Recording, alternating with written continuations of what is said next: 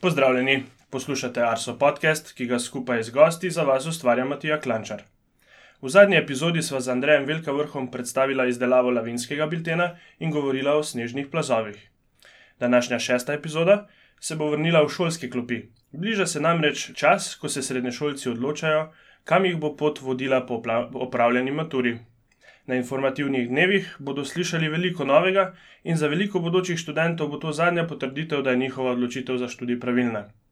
Z mano danes je profesor dr. Jože Rakovec, ki prihaja z fakultete za matematiko in fiziko Univerze v Ljubljani. Dotaknila pa se bova študija meteorologije. Lepo pozdravljen, profesor. Dober dan. Uh, ker sem uvodoma omenil informativne dneve, lahko rečem, da, da ste bili vi eden izmed tistih, zaradi katerih sem tudi sam pristal na fakulteti za matematiko in fiziko. Vaša predstavitev takrat je bila definitivno ena najzanimivejših. Poleg tega ste pa tudi profesor, ki je verjetno veliko tukaj zaposlenih na Arso, učil pri katerem izmed meteoroloških predmetov, pa ni nujno samo na naši fakulteti. Pa se na, za začetek vrniva v čas, ko ste se sami odločali za študij. Kakšna je bila vaša pot, pa kdo vas je sploh navdušil nad študijem meteorologije? No, uh, ko sem končeval srednjo šolo, v resnici nisem vedel, kaj ne bi šel študirati. Zanimalo me je preveč stvari. Uh, in uh, tako sem izbiral med tem, onim in tretjim. Celo uložil sem svoje maturitetno sprečevalo na fakulteti za arhitekturo, kjer so bili sprejemni izpiti, in upravil sem ta sprejemni izpit. Potem sem pa zadnji dan pred koncem opisa šel po tisto maturitetno spričevalo in ga prenesel na fakulteto za matematiko in fiziko. Tako se je začelo. Pa ste pol takoj že vedeli, da gre za meteorologijo, ali se je potem tudi s časoma tekom študija ta želja? Tisto leto je bil moj, pa tudi profesor marsikoga drugega meteorologa, marsikakšnega drugega meteorologa, profesor Zdravko Petkovšek v Kanadi. In se z njim v resnici ni dalo zares pomeniti. Ampak to ni bilo nič narobe. Uh, prvi dve leti študija sta, smo imeli matematiki, fiziki, astronomi, meteorologi praktično enak študijski program in si recimo drugi letnik ali pa tretji letnik prešel na, na kakšen drug program, brez kakšnih težav, glede izpitov, znanja in tako naprej.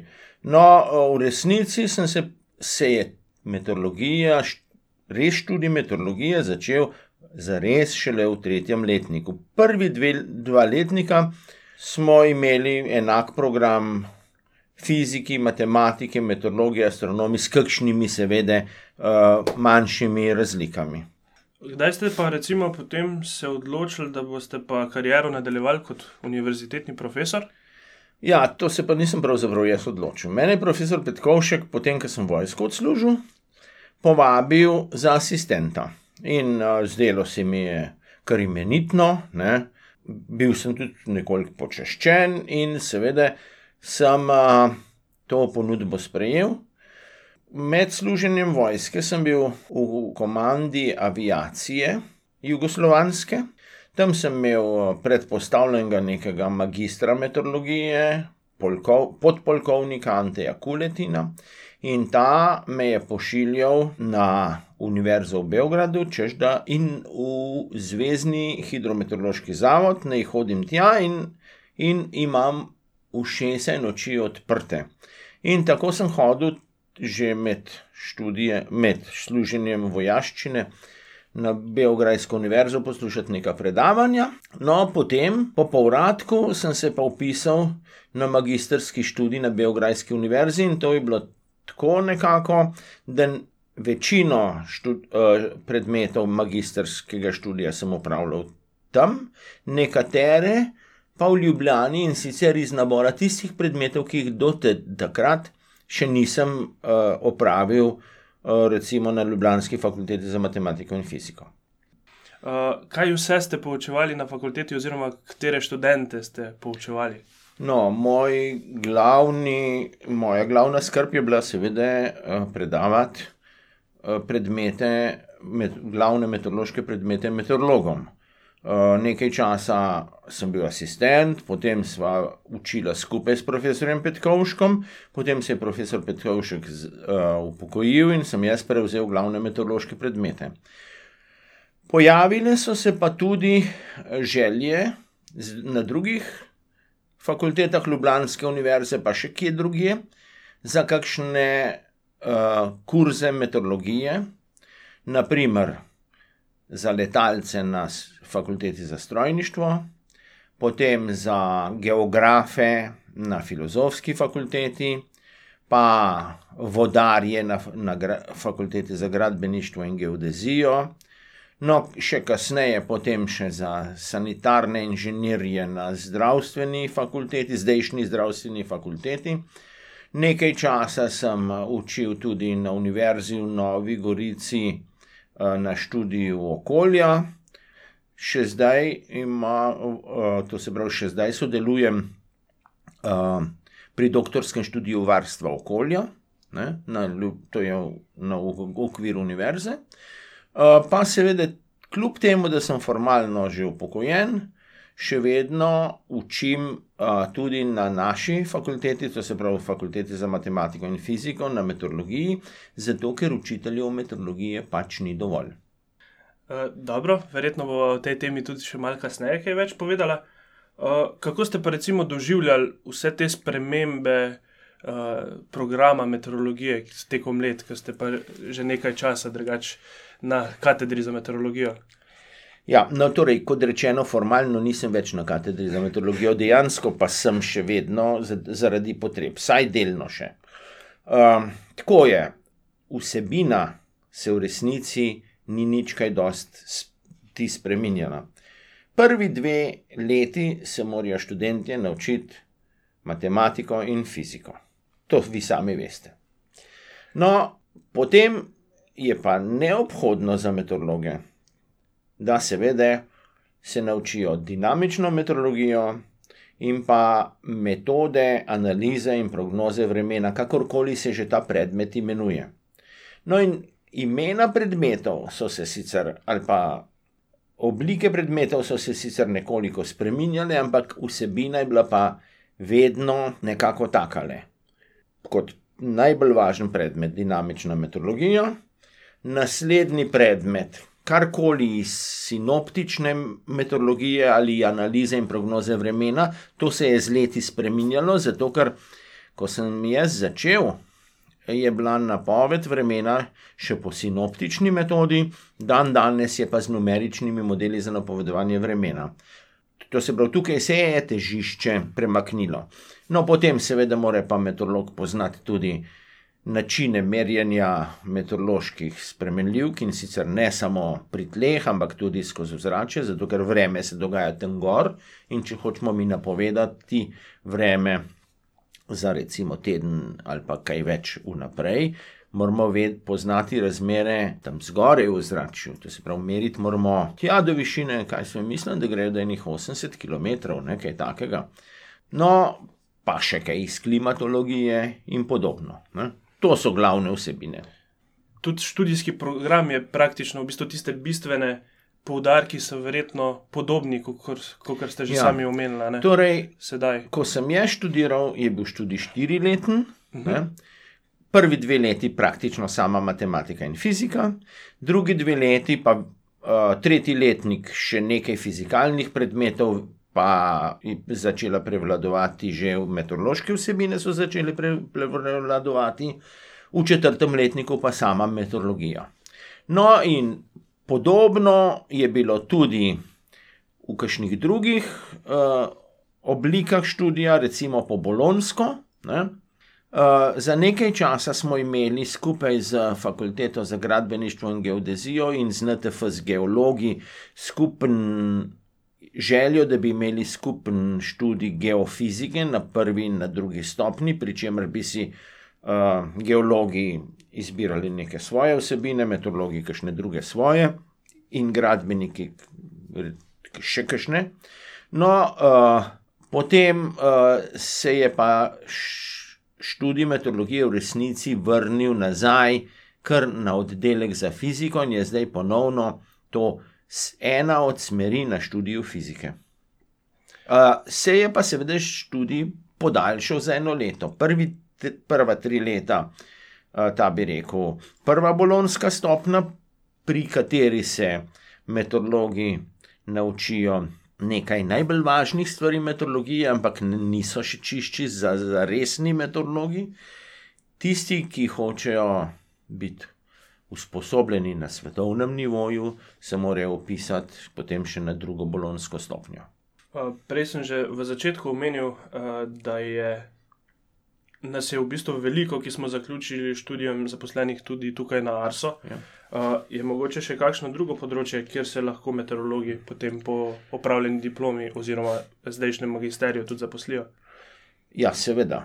Uh, tako pred časom, ne vem točno, kako je zdaj le, ne, ampak pred časom je bila v meteorološki, neposredno v meteorološki službi, zaposlena samo kakšna tretjina meteorologov.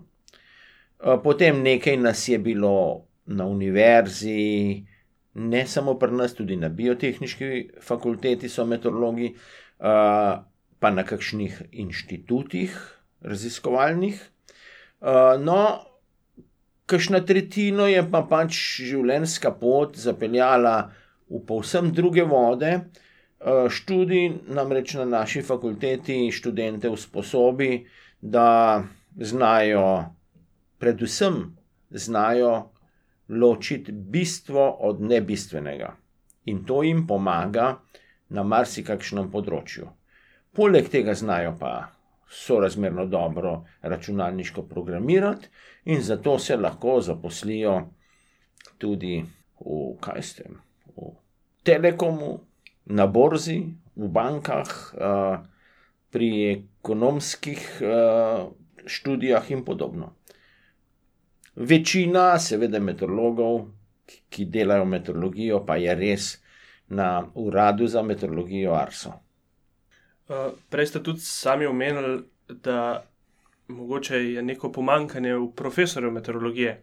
Kako pa recimo iz tega vidika tudi sami vidite razvoj same katedre, pa meteorologije v prihodnje?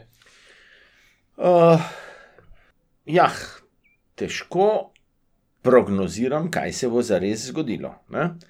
Torej, brez dvoma meteorologijo družba potrebuje. In zato je bila na meteorologi, meteorologija na univerzi že vse čas, pravzaprav. Do konca druge svetovne vojne je bila bolj geografsko orientirana, o, leta 50 ali 51, 1950 ali 51, je pa prešla na matematične osnove in fizikalne principe. In od takrat naprej je pač tudi tak eh, na matematično-fizikalnih osnovah.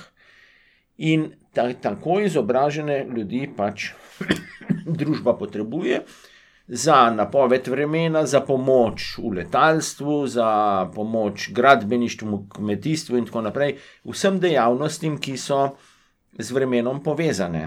Ja, študij pa ni najbolj, najlažji in zato seveda uh, je študentov malo, in za malo študentov je seveda tudi malo učiteljev. Seveda, učiteljev mora biti nek minimum, da v vse program spravijo skozi, da študente naučijo. Ne?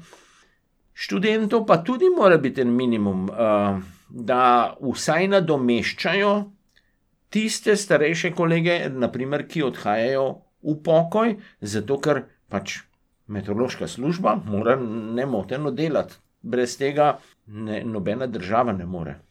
Ja, je res je. Uh, mogoče zdaj za zaključek, ker smo omenjali informativne dneve in ja. verjetno bo kdo tudi, mogoče upamo, da bo kdo od bodočih študentov tudi tole poslušal. Uh, kakšne bi bile, recimo, neke vaše besede študentom, bodočim študentom, ki bodo začeli z neko novo potjo na univerzi? No, najprej, da ne gredo na informativni dan na fakulteto za matematiko in fiziko. Ne? Tam jim bodo moji mlajši kolegi uh, pač predstavili študij in uh, te, te, tam bodo marsikaj lahko vprašali. Uh, druga reč je, da če imajo veselje do naravoslovja in konkretno do spoznavanja procesov v ozračju, naj se kar upišajo na meteorologijo. Ne smejo si pa misliti, da bodo na lahko prišli kar do diplome. Ne bojo. Študij ni zelo lahek in uh, iz prvega letnika v drugi letnik je kar precejšen osip študentov, ki jim ne uspe opraviti tistih osnovnih stvari. Kot sem rekel, v prvem letniku sploh ni metodologije, sama matematika in sama fizika. In skozi to je treba prebiti. Ni treba biti strahotno pameten za to, ampak len pa ne smeš biti. Če si pa len, pa, pa tudi najbolj pameten ne bo prišel skozi. To se pravi, lenobe si ne prvoščiti. To je moj nasvet. Pa želim vsem, da bi postali dobri meteorologi. Uh, super, smo tole, tole epizodo tudi končali. Najlepša hvala vam, gospod profesor, za vaš čas in ja. za tale lušten pogovor. Ja, prosim, prosim. Hvala za povabilo. Vse komentarje, pohvale, pripombe in predloge nam lahko sporočite na elektronski naslov podcast.arso.afnago.si. Prav tako nas lahko najdete na druž družabnih omrežjih, na Twitter profilu Meteosi in Facebook strani Arso Vreme. Da ne boste zamudili novih epizod, se na podcast lahko naročite preko telefona v svojem podkastu odjemalcu, za vas pa smo tudi pripravili video, kako se naročiti na podcast. Pustite nam kakšno oceno na Apple Podcasts, da, bomo, da bodo za nas slišali tudi ostali. Da se bo naša beseda širila, pa nas priporočite k poslušanju svojim prijateljem, sodelavcem in znancem. Hvala za poslušanje in pozornost, obilo lepega vremena do naslednjič in se slišimo čez 14 dni.